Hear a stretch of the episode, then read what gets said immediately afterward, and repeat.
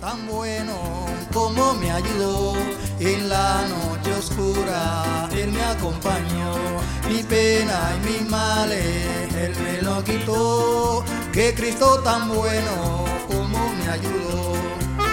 Saludos y muy bienvenidos a este programa de la Iglesia Maranata. Transmitimos en esta misma hora todas las semanas.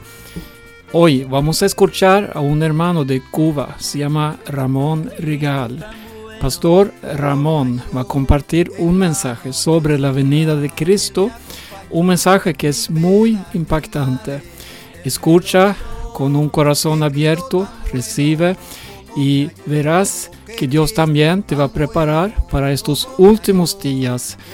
Necesitamos servirle al Señor hasta que Él viene. Dios les bendiga. Que Cristo tan bueno como me ayudó.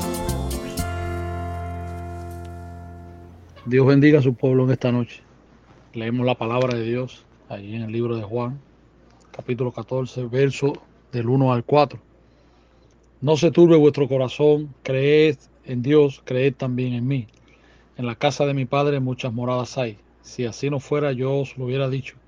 Voy pues a preparar lugar para vosotros, y si me fuere y os preparare lugar, vendré otra vez y os tomaré a mí mismo, para que donde yo estoy, vosotros también estéis, y sabéis a dónde voy, y sabéis el camino. Gracias Jesús, tu palabra ha sido leída y va a ser predicada, meditada en esta noche. En el nombre de Jesús. Amén. Qué palabra más alentadora nos dio el Señor Jesús, hablándonos de que Él, de que él fue a preparar lugar para después venir a recogernos. Qué palabra más alentadora en estos tiempos que estamos viviendo, tiempos de dificultad, tiempo donde se rompen muchos planes, donde el hombre planifica mucho y muchas veces lo que planifica no se ejecuta. No en vano dice la Biblia allí en Santiago que no hagamos planes, que mejor digamos, si Dios quiere y viviremos, haremos aquello o haremos lo otro. Entonces tenemos que entender, hermano, y ser conscientes del tiempo que estamos viviendo. Estamos viviendo tiempos extraños, tiempos raros, tiempos difíciles. Tiempos donde tenemos que ser conscientes como iglesia de que estos tiempos fueron profetizados. Y una de las cosas que como iglesia no podemos perder de vista, que estamos esperando es su venida inminente. Hay algo que nosotros debemos de entender y es que en la historia siempre que se ha anunciado un acontecimiento, son pocos los que lo han esperado. Y es por eso que tenemos que tener en cuenta las palabras de Jesús cuando decía, el que lea, entienda. Cuando Jesús hablaba de estos temas, hacía mucho énfasis en que entendiéramos. Y nosotros tenemos que entender. Vemos que cuando el diluvio, ¿cuántas personas fueron salvos? Solamente ocho vemos que cuando Sodoma y Gomorra, ¿cuántas personas fueron salvas? Lot y su familia. Y aún la esposa miró atrás, convirtiéndose así en una estatua de sal. Vemos que aún cuando Cristo vino a la tierra, en su primera ocasión, solamente unos pastores le estaban esperando que fueron los que cantaron allí con el coro de los ángeles, Simeón, Ana, la viuda y pocas personas, hermano, porque aún los que estaban, los que supuestamente debían estar empapados con el tema, tampoco vieron la llegada del Mesías, vieron la, eh, la venida de Cristo a la tierra como fue profetizado anteriormente. Entonces, vemos que históricamente eh, siempre ha sido un pequeño remanente el que ha estado esperando cada anuncio, cada profecía, y ahora pasa igual. Aún muchas personas son conscientes de los, tiempos que estamos viviendo, son conscientes de las cosas que están ocurriendo y no y apenas hablan de estos temas. Siguen haciendo planes, siguen haciendo metas, sin hablar apenas de lo que Cristo está, que Cristo está por recoger a su iglesia cada día, cada año que pasa eh, está más cerca su venida.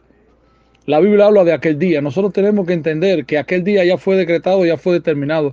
El día que Cristo va a venir a buscar a su iglesia, ya eso, ya eso está planificado. Eso lo sabe, lo sabe Dios, lo sabe el Padre. Lo, Dios lo sabe. Nosotros somos los que no sabemos, pero el día ya está decretado. No es que un día va a amanecer y un día Dios va a hacer así, va a bostezar y dice, ah, buen día para recoger a mis hijos. Ya el día está decretado y nosotros tenemos que ser conscientes de eso. Cada día que pasa estamos más cerca de su venida. El apóstol Pablo hace casi dos mil años cuando escribió allí en Corintios, habló, se contó entre, entre, entre los que podían estar vivos cuando Cristo viniera allí en 1 Corintios capítulo 15. Dice, nosotros los que hemos quedado, y estamos hablando de hace casi dos mil años, hermano, y mire qué tiempo ha pasado.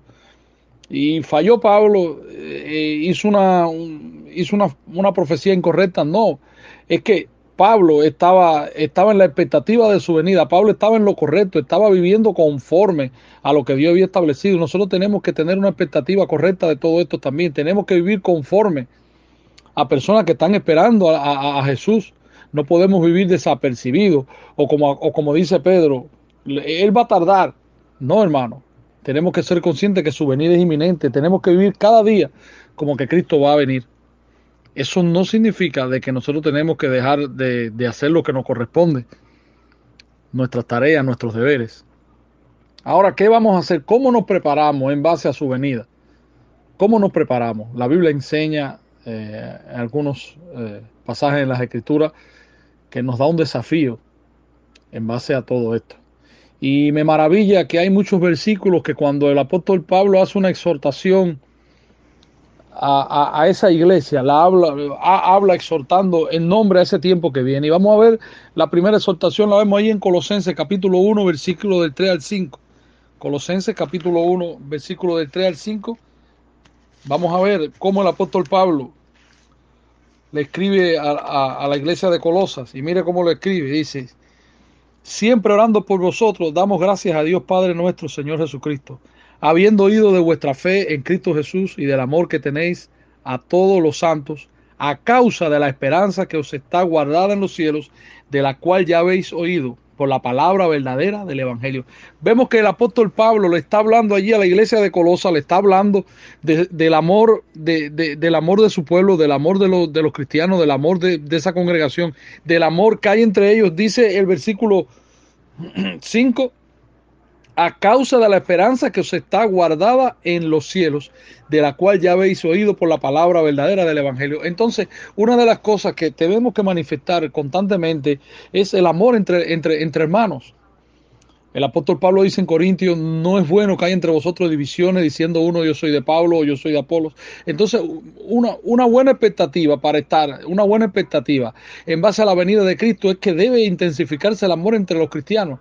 Y si, y si creemos que vamos a estar juntos una eternidad, ¿por qué no preparándonos ya aquí desde la tierra?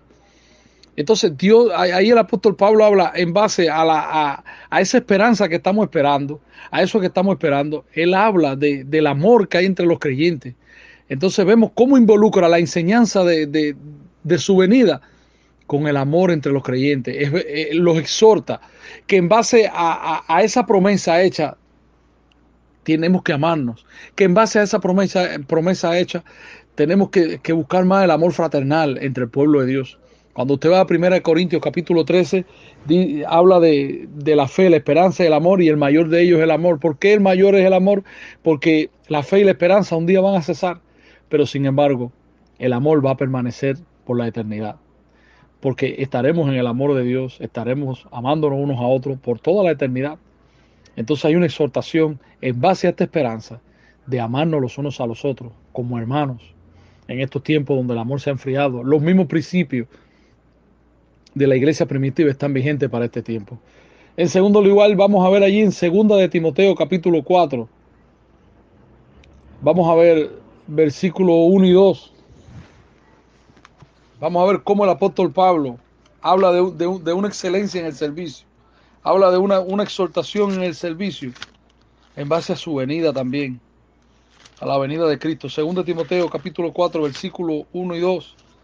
Dice la palabra del Señor allí, te, encarezco delante de Dios y del Señor Jesucristo, te encarezco delante de Dios y del Señor Jesucristo, que juzgará a los vivos y a los muertos en su manifestación y en su reino, que predique la palabra, que intes a tiempo y fuera de tiempo, redarguye, reprende y solta con toda paciencia y doctrina. Y vamos a ver cómo el apóstol Pablo ahí está hablando en este pasaje y está diciéndole a, Timoteo, en base a, en base a Cristo que se va a manifestar, eh, te encarezco delante de Dios, por favor, Timoteo. Imagínese que esta es la palabra de un hombre moribundo. Imagínese que, imagínese que este es el testamento que está haciendo alguien que va a partir.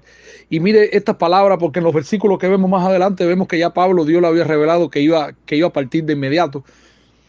Y cómo él en base a, esa partida, él está exhortando a Timoteo y le dice, te encarezco, por favor, Timoteo, en base a esta esperanza, en base a que Cristo viene, en base a, a Jesucristo, en su que jugará a los vivos a los muertos en su manifestación y en su reino, te, te suplico, Timoteo, que predique la palabra, que intes a tiempo y fuera de tiempo, reprende, redarguye. Hermano, tenemos que, que tener en cuenta que si Cristo viene a buscar a su iglesia, que si Cristo viene a, a juzgar a su iglesia, en, en, lo que Cristo viene, nosotros tenemos que estar sirviendo al Señor, tenemos que estar predicando.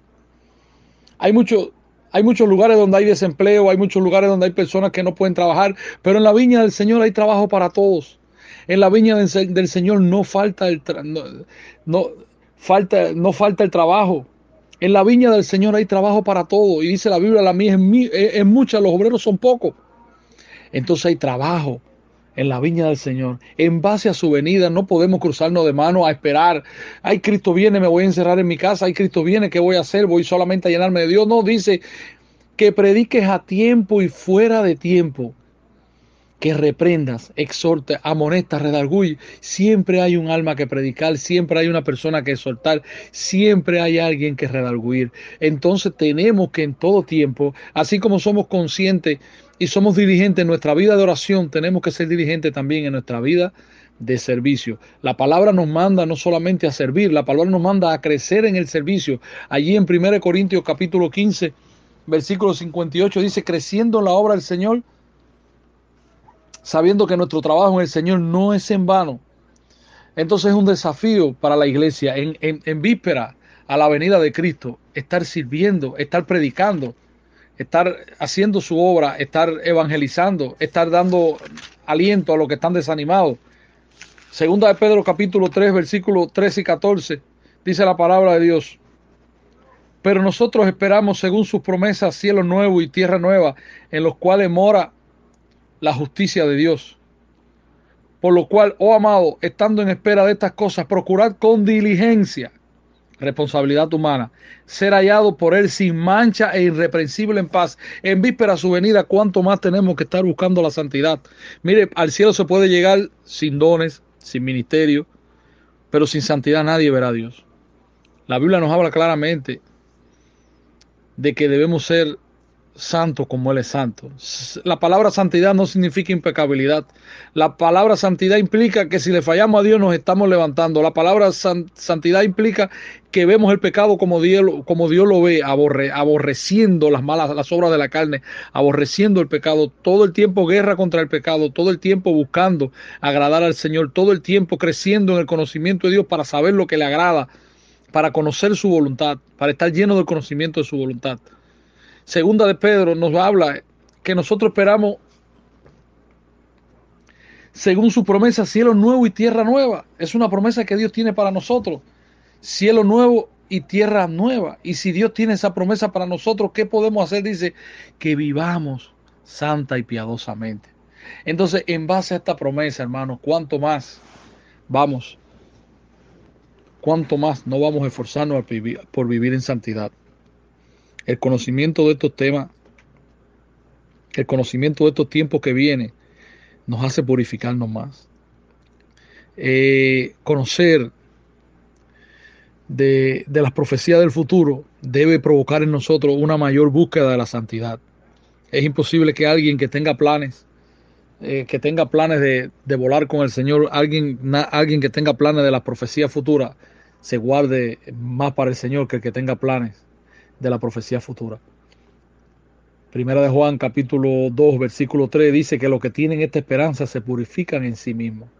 cuando miramos los juicios del Apocalipsis, cuando miramos las cosas que están por venir, estas cosas nos hacen mirar y nos hacen estar en una expectativa y nos hacen buscar cuanto más su presencia, nos hacen buscar cada vez más andar en santidad, andar irreprensible delante del Señor. En estos tiempos donde a lo bueno se llama malo y a lo malo llaman bueno, es cuando más tenemos que vivir en santidad.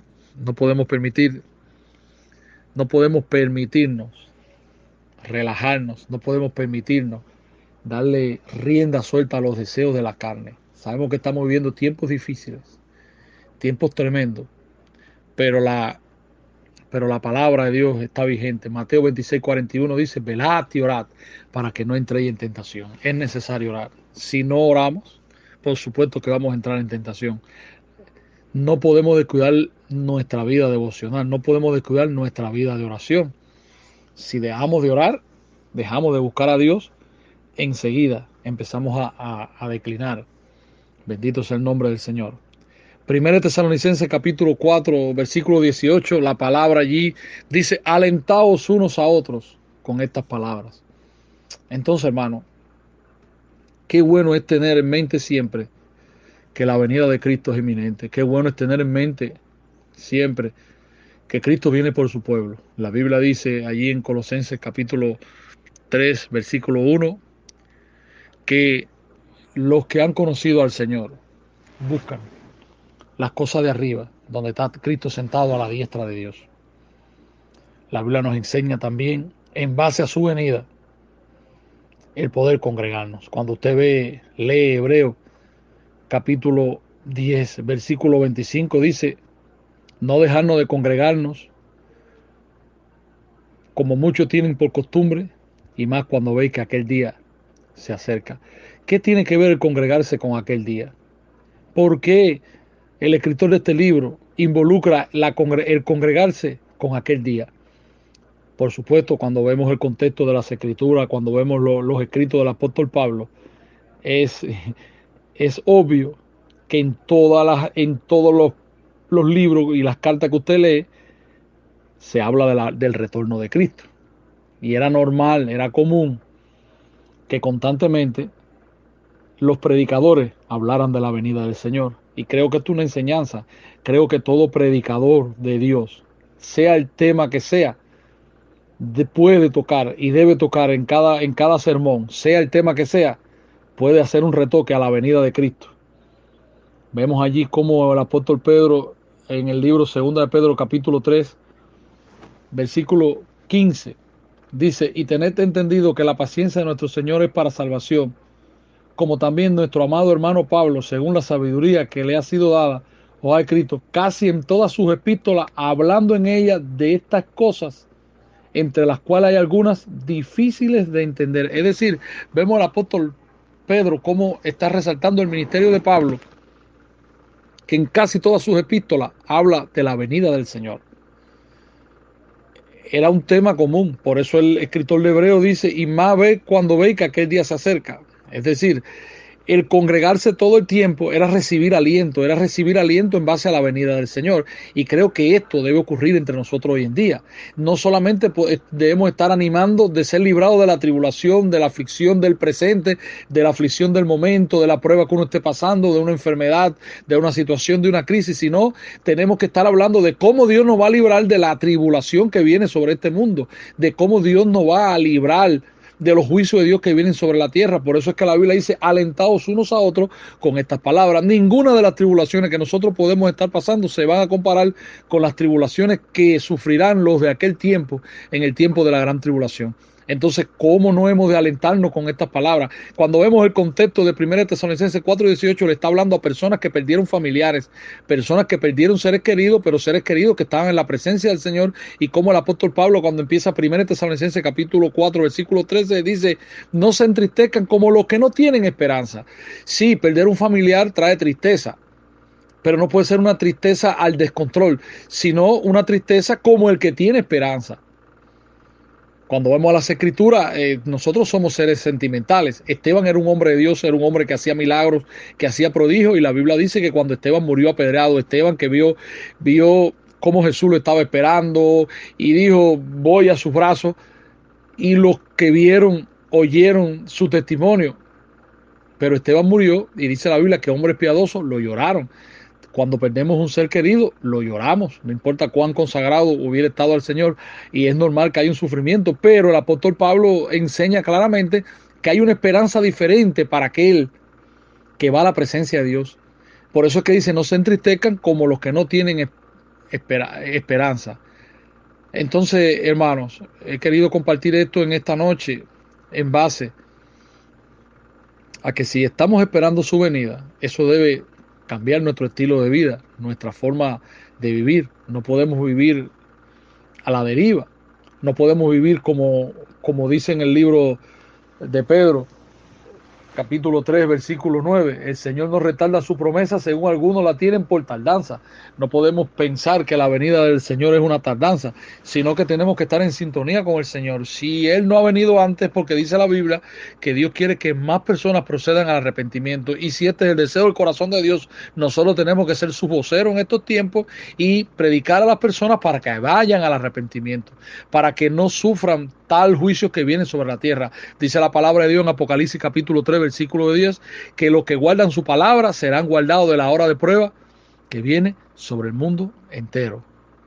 Tenemos aflicciones todo el tiempo, tenemos pruebas, tenemos liberaciones de Dios. El salmista decía, muchas son las aflicciones del justo, pero de todas las librará Dios. Nosotros somos conscientes de cuántas, de cuántas aflicciones, cada hermano es consciente de cuántas aflicciones Dios le ha librado y constantemente estamos librando aflicciones, estamos constantemente enfrentando pruebas y, disfrutando liberaciones de Dios, pero un día todo esto terminará. Dice la palabra de Dios allí en Apocalipsis 21.4, enjugará Dios toda lágrima y dice que ya no habrá más tristeza ni habrá más dolor. Entonces esas liberaciones temporales que ocurren en estos tiempos es el anuncio de la gran liberación que Dios traerá a aquellos que perseveran en Él, aquellos que permanecen en Él, aquellos que aman su venida. Me maravilla como allí, como allí en segunda de Timoteo, un detalle en las escrituras que me impactó.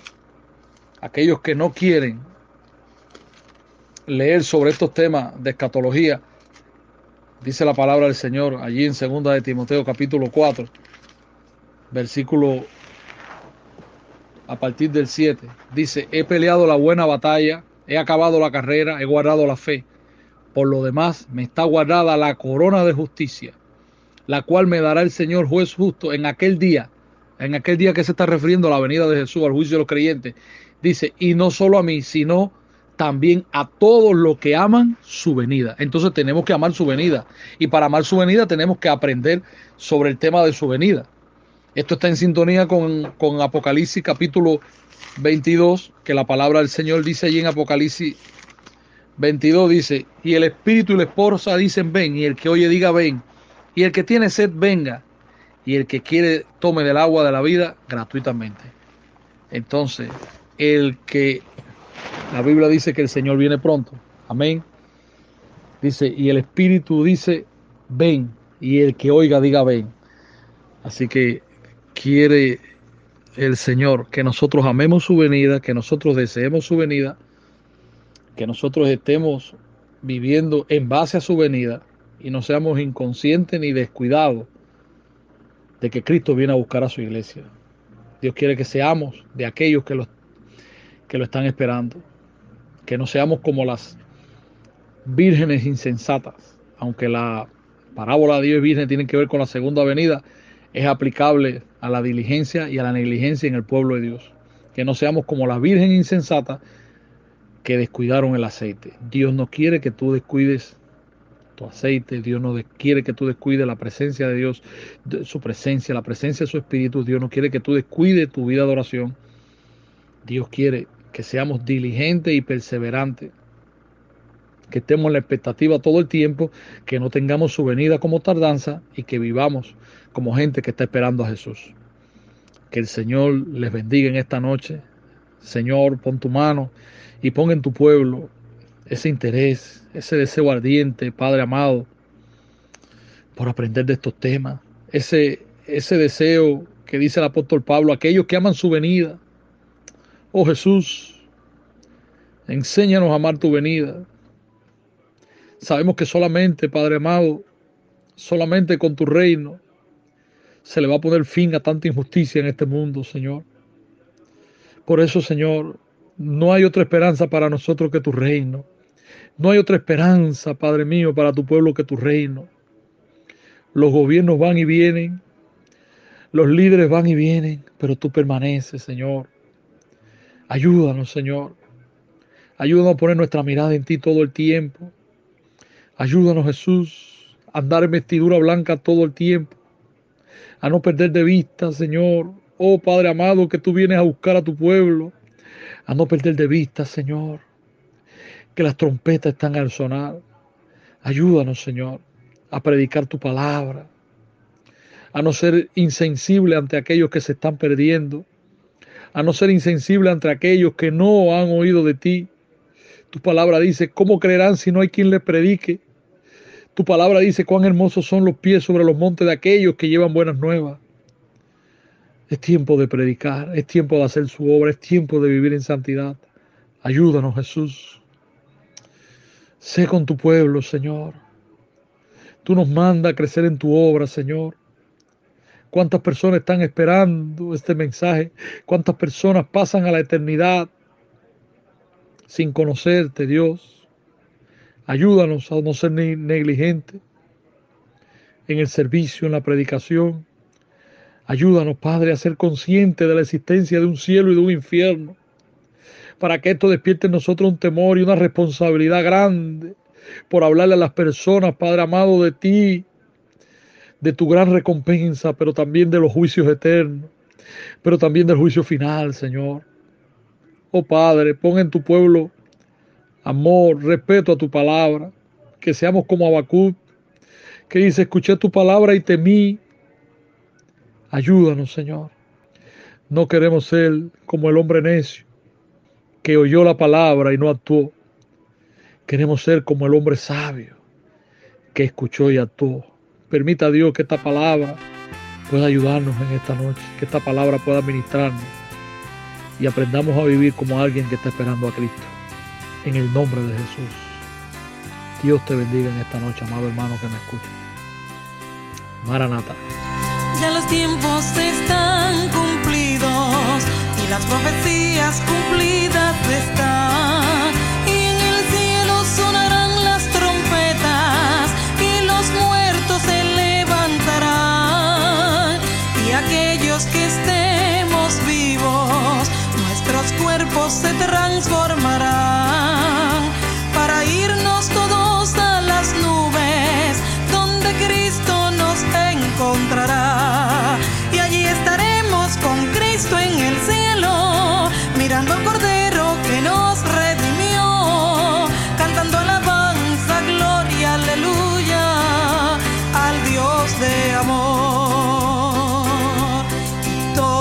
santos tendrán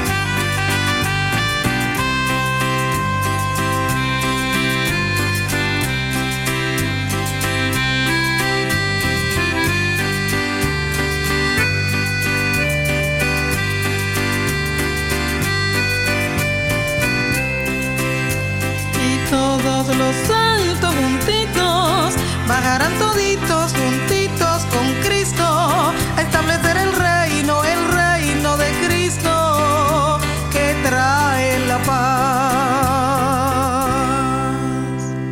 Este es un programa de la Iglesia Maranata, Estocolmo. Hoy hemos escuchado al pastor cubano Ramón Rigal. La Iglesia Maranata, tenemos programas aquí todas las semanas en esta misma hora. Ahora eh, te voy a dar una dirección en internet, maranata.do. Ahí puedes escuchar mensajes y programas. Dios les bendiga a todos y hasta luego.